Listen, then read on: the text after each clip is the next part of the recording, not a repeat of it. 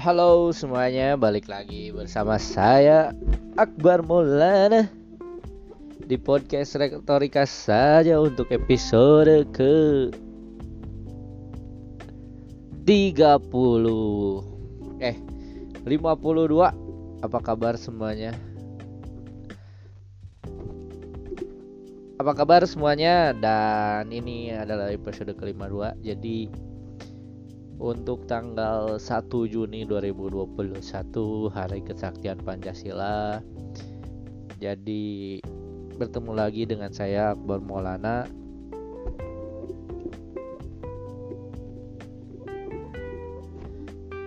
Ketemu lagi dengan saya Akbar Maulana dan saya ini sedang sedang mengalami kehidupan yang menyenangkan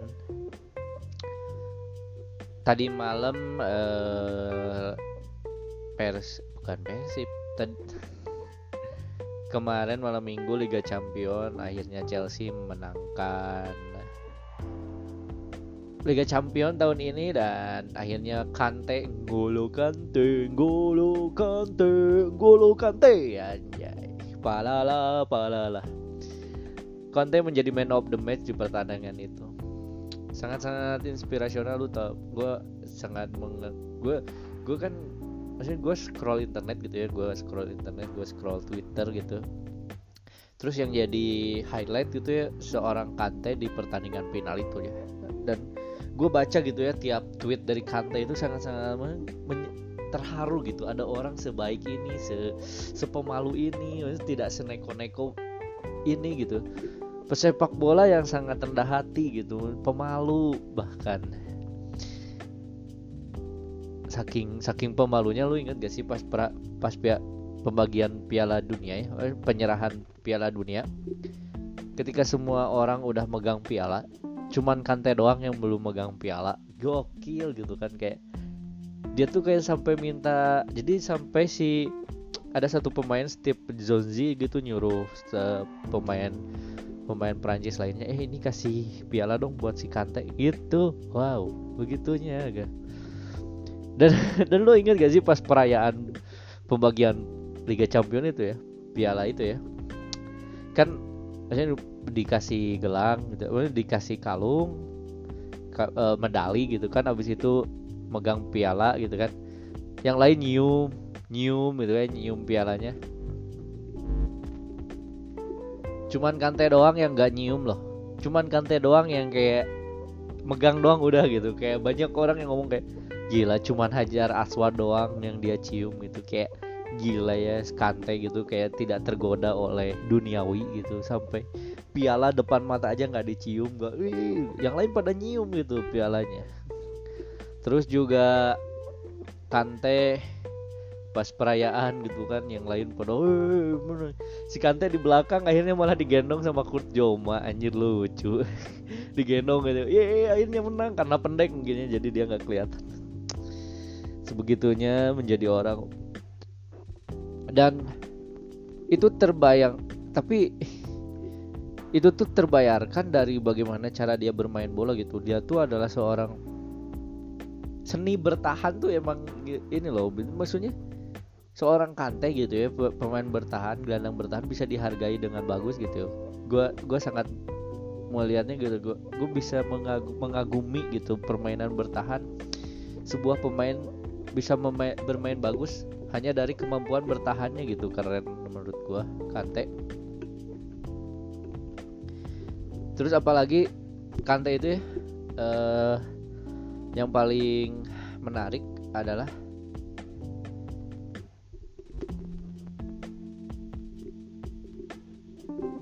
paling menarik Kante itu adalah dia tuh begitu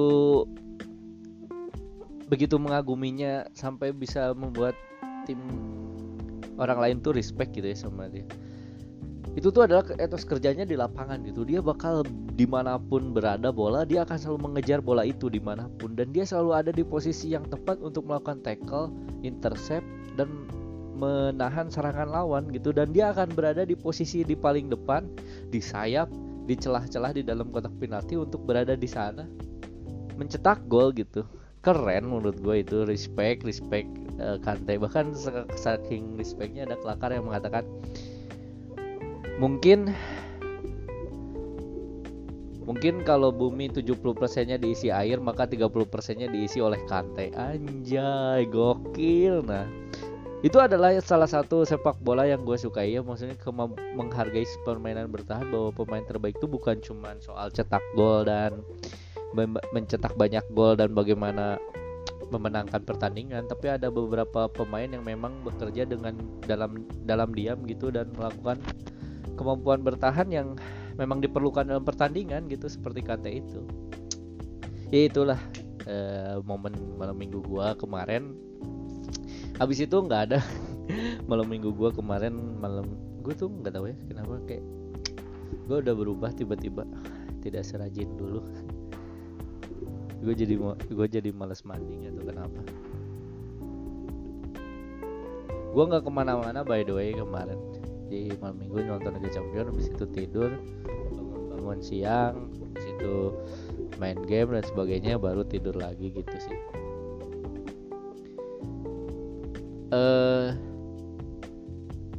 terus juga gue gue tuh keinget ini tau gak sih yang uh, apa? Yang kurir gitu ya ibu-ibu ngomong blok goblok gitu kayak. Blok blok goblok karena ke, ke, ke, ke kurir yang salah beliin baju gitu yang COD-nya gagal gitu. Menurut gue itu lucu banget sih. Lucu banget apa itu kata-katanya. Uh, eh, gue mau bahas apa ya hari ini selain itu selain blok goblok. Blok goblok gitu kayak. Atau anjir anjir kenapa harus blok goblok ya? Tapi satu lagi yang menjadi khawatir adalah ketika hal itu tuh malah jadi bulian gitu kayak hal yang salah itu ibu-ibu itu dibully dan di dijadiin viral dan terkenal gitu dan akhirnya pasti minta maaf nanti klarifikasi lagi dan seperti biasanya kayak gitu terus gitu ya. um, apalagi ya gue bilangnya gue akhirnya lulus wisuda lulus kuliah dan gue sekarang udah dapet ijazah udah bisa bebas merdeka untuk ngapain aja untuk jadi kerja untuk melakukan stand up komedi untuk melakukan apa pun yang gue cintai sekarang gitu ya. Dan seberapa semenyenangkan itu ternyata hidup dengan melakukan apa yang kita suka. Jadi gimana nih uh, kabar kamu weekend ini gitu? Apa yang kamu rasakan? Semoga apa yang kamu rasakan kesedihan dan kepedihan itu segera lenyap ya maksud gue gue bukan maksud toxic positivity ya tapi bener sih maksud gue lanjutkan lah. Kalau ada orang yang dengerin ini dan mempercayai nasihat gue gue sih salut sih. Gue ketika gue ditemukan aja ya rekaman podcast ini ditemukan aja gue udah bangga. Tapi ketika ada denger podcast kemudian yang asalnya itu berimplikasi e, bermanfaat gitu. Gue sih salut sih. Prosesnya panjang gitu dari nemuin terus sampai ke dengerin terus dari dengerin juga kayak ah ini omongan gak bener banget gitu gak penting. Sampai ke ada orang yang percaya gue itu sebuah proses panjang yang gue sendiri gak percaya ada orang yang bakal ngelakuin itu sih. Aduh, ini adalah sebuah podcast yang kayak orang nggak tahu aja kayak orang yang nggak suka apa. Ya ini bukan sebuah hal yang bukan sebuah konten yang pasti didengerin dan pasti banyak yang suka gitu. Ini cuma buat beberapa orang aja. Jadi apa nih yang mau dibahas nih hari ini nih? Gua nggak tahu ya. Nggak tahu ya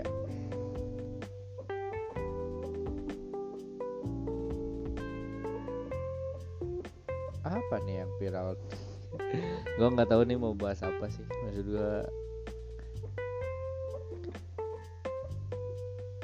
oh iya gue mau bahas gue gue tertarik sama ada orang yang ngomong kayak gue lupa di di sosmed gitu ya ada yang ngomong kayak gue tuh nggak mau nikah sekarang banyak orang yang nikah tuh jadi jualan gitu kayak bikin ganggu gitu. Nah, maksud gue ya ya nggak bikin ganggu sih maksudnya juga uh, lebih berpikir realistis aja gitu buat nambah biaya tinggi jadi harus jualan. Tapi nggak ganggu tapi ya emang pasti jadi jualan gitu. Dan gue juga menyadari ini bahwa ketika kita udah menikah makin banyak ibu-ibu yang jadi jualan gitu yang jadi yang jadi online shop gue baru menyadari gitu sosial media Facebook ya dulunya yang ketika lajang fotonya mesra-mesra gitu sama atau jalan-jalan gitu sendiri fotonya tidak apa bergaya gitu ya waktu SMA BSM kul, apa kuliah gitu ya bergaya gitu kan. Pokoknya semuanya tentang kehidupan duniawi lah gitu. Tapi ketika udah menikah jadi berubah fitnya jadi tentang jualan. Eh aku ini promo ini promo ini. Jadi fotonya semuanya barang lagi nggak bukan dirinya gitu. Kayak kayak emang wajar sih kan. Maksud gue ya hidup dia udah selesai gitu dengan dirinya ya dia harus mikirkan anak mikirkan keluarganya ya udah dia udah nggak pede dengan dirinya ya udah dia dagang aja jualan aja. Memang beban hidup tuh lebih tinggi dengan jualan eh, dengan menikah sih. Biaya lebih tinggi maksudnya. Dan mungkin salah satu hal yang harus dikorbankan ya itu jadi jualan. Gak bisa lagi eksistensi dengan berdagang dan sebagainya ya wajar sih maksud gua gak perlu dikritik lah tapi ya maksudnya gak usah dikomentarin aneh lah biasa aja. Tapi ya gue jadi lucu aja gitu. Namanya juga hidup itu kan butuh biaya. Tapi nggak bikin lu juga tapi maksud gua nggak bikin lu jadi takut nikah juga gitu. Gue nggak mau nikah nih karena nanti malah jadi takut akun jualan nih PSP ya enggak lah. Ya kalau lu nggak mau jualan ya lu cari cara lain buat ngasilin duit buat keluarga lu lah bukan malah jadi menjelek-jelek malah jadi takut menikah karena biaya hidup tinggi. Jadi kayak gitu. Salah dong konsepnya. Sorry tinggal gitu dong. Gue tuh bingung. Ini di kamar gue ada tikus kecil. Mondar mandir gue harus ngapain tay ah, dasar podcast nggak di kamar doang. Nggak ada yang prepare gini musuh apa ya? Gue tuh gue tuh udah pernah bahas ini belum ya? Bahwa musuh mu ah gue tuh nggak tahu sih. Tapi maksud gue lu pernah nggak sih merasa bahwa kalau lu punya temen dan temen lu punya musuh itu temen itu musuh musuh lu juga nggak sih gitu? Maksud gue kalau lu punya temen dan temen lu punya musuh musuh temen lu itu musuh lu juga nggak sih gitu? Atau lu malah enggak gue berteman aja gitu nggak sih? Kenapa dalam kenapa kenapa begitu ya dalam konsep bernegara? Gue nggak ngerti. Kenapa kenapa nggak bukannya udah nggak usah bermusuhan aja kok berteman baik itu bukan malah bukannya malah saling konflik bukannya malah bikin bukannya bukannya malah malah bikin konflik bukannya malah memisahkan gitu. Sih gue ngomong apa gue dari tadi ngomong apa ini? Gak ngerti. Aduh lucu. Aduh. Gue rasa apa ya? Apa sih yang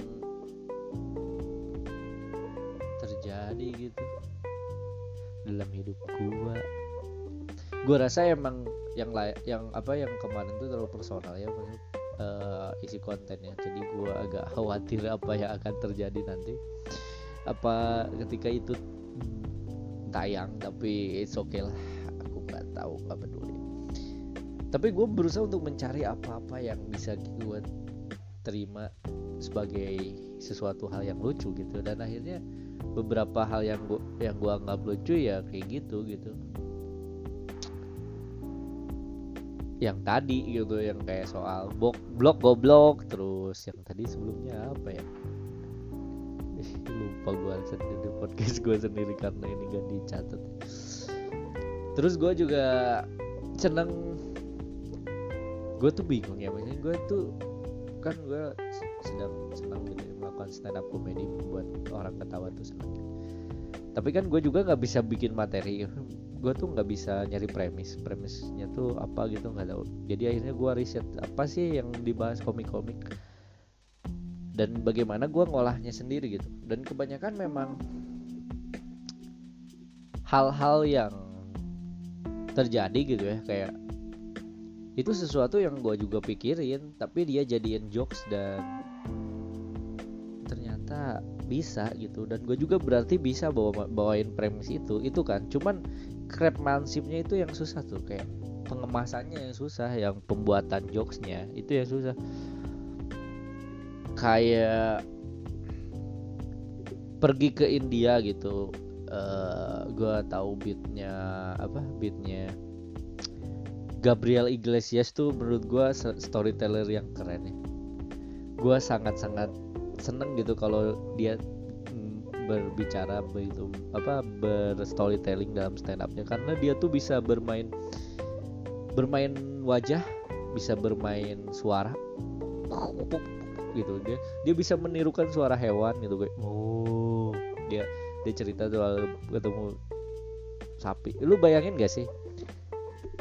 Pergi ke India nih dia pergi ke India dia akan stand up di India selama dan selama 30 menit dia bercerita tentang dia pergi ke India.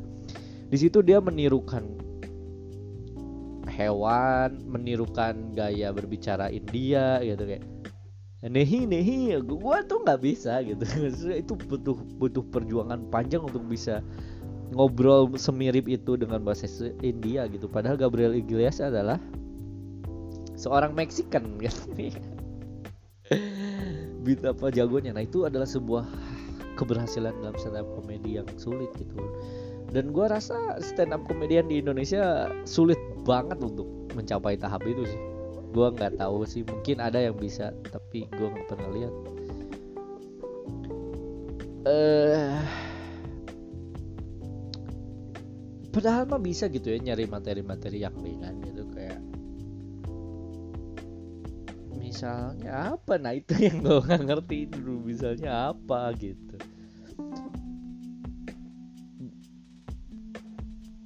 sebetulnya dan juga gue gue rasa emang misalnya gini dari usia aja usia umur 27 tahun gue 26 tahun gue pengen menikah gitu maksudnya. Gue merasa kehilangan arah gitu tapi nggak tahu ya udah gini aja gitu. Nggak ada yang pada akhirnya adalah perlu komunikasi. Komunikasi itu bisa bikin kita punya pandangan yang bikin kita punya sesuatu yang baru insight baru gitu pemahaman baru kayak. Uh, menurut menurut menurut lu cewek kayak gue gue gue gue satu punya punya beat kayak gitu menurut lu cewek atau cowok perlu bayar masing-masing gak sih? Cowok itu harus selalu bayar gak sih kalau dia ngajak jalan? Ada yang bilang boleh ada yang gantian ada yang cewek juga nggak apa-apa gitu. Ya gue mau bayar cewek laki juga nggak apa-apa gitu kalau cinta gitu kan. Tapi asumsi umumnya adalah laki-laki biasanya neraktir perempuan gitu. Tapi gue punya perspektif sendiri. Menurut gue gue sih gak gue sih bisa gue sih bisa neraktir sih. Maksudnya gue neraktir bisa sih. Maksudnya gantian gitu. Jadi cewek neraktir dan cowok cowok neraktir gantian itu bisa sih normal. Atau bahkan ceweknya yang neraktir juga gue nggak apa-apa. Cuman jadi nggak enak aja ke gue ke guanya tapi kalau itu maksa ya udah nggak apa-apa. Tapi gue cuman ngasih perspektif bahwa kadang laki-laki itu tidak butuh uang karena apa? Karena laki-laki itu bisa mencari uangnya sendiri. Dan gue juga nggak tahu ini benar atau enggak bagi dua bagi gue gue bisa nyari uang sendiri gitu. Gue nggak perlu dikasih uang oleh pasangan gitu untuk ditraktir. Gue bisa kok beli bayar gitu. Kalau pesan makanan bisa. Tapi gue juga per, perlunya adalah dibalas dengan apresiasi gitu. Maksudnya pujian atau pemberian perhatian aja. Sesuatu yang gue nggak sangka tapi dikasih perhatian gitu terus pujian terus kayak sentuhan fisik gitu-gitu. Gua rasa uang dibayar sentuhan fisik tuh lebih layak sih bagi laki-laki juga. Lu gue kalau misalnya sentuhan cukup cukup gitu. Makanya kadang ada orang yang rela bayar kan untuk dapat sentuhan gitu so desperate itu kan laki-laki gitu kan. Ya menurut gua gitu cukup kok. Gak perlu duit gue ngerti gak sih? Gitu ya maksudnya lah perempuan cuma ngasih seks doang juga nggak apa-apa gitu ngerti gak sih? Gue rasa ya. Tapi mungkin itu tidak umum ya kalau kita pacaran. Mungkin kalau udah menikah umum sih. Ya, gue juga nggak tahu. Tapi dalam memilih pasangan itu ya dalam memilih pasangan gue tuh bingungnya adalah gue makin sadar bahwa gue tuh cuman teori doang gitu bahwa gue tuh bisa menerima siapa pun perempuan gitu. Teori doang gitu. Karena kenapa? Karena gue belum menghadapi realnya kenyataannya gitu. Uh, maksud gue gue nggak pernah ketemu perempuan yang goblok itu lu kebayang gak sih kalau misalnya lu ketemu perempuan yang goblok lu sadar bahwa lu tuh ternyata nggak bisa sama orang goblok gitu. Ngerti gak sih? Yang nggak tahu apa-apa. Kayak kata disappointed aja nggak tahu itu kayak hah? gitu. Sesuatu yang rumit gitu. Nggak tahu. Atau gue nggak gue biasa aja sih sama perempuan cerewet. Ya karena lu belum ketemu sama perempuan yang cerewet. Coba kalau lu ketemu lu bakal sadar bahwa lu tuh lu tuh ternyata nggak bisa sama orang yang cerewet gitu. Ternyata bener ternyata emang teori bahwa perempuan itu bisa meneri uh, laki-laki bisa memilih siapa pun perempuan yang penting ada lubangnya tuh salah ya maksudnya ah itu jadi premis lagi. Mudah-mudahan lah tuh jadi dibawain besok open mic anjir. Iya kan? Iya kan? Gue gue rasa gue rasa finansial juga perlu itu maksudnya laki-laki yang secara finansial mapan lebih mudah disukai daripada laki-laki yang nggak mapan gue nggak yakin sih kalau misalnya ada si ada ada laki-laki yang ngelamar perempuan terus dengan ngomong nih gue nggak ada tabungan nih cuman punya uang segini gaji aku lu mau nikah nggak? Semua bisa tapi itu kalau udah sayang maksud gue kalau misalnya belum sayang ya dia akan mikir kayaknya nggak bisa deh gue sama dia gue takut ke mana. Jadi keburu keburu overthinking gitu. Keburu keburu mikir nanti makan apa terus atau nanti malah gimana gitu kan. Nggak ada duit atau apa gitu. Nah kayak gitu gitulah yang bikin jadi masalah. Tapi benar gitu kita tuh memang bakal menyeleksi diri juga terbukalah dengan pilihan-pilihan. Itu yang gue sadari sekarang gitu salah satu hal yang bikin gue goblok adalah apa? Coba gue tuh selalu terlalu rela untuk memberikan sesuatu segalanya untuk pasangan memberikan 100% buat ya buat yang belum tentu tuh itu adalah sesuatu yang apa ya katanya ya goblok. Janganlah memberikan 100% kepada seseorang yang belum tentu lu sayang dan lu pacarin itu.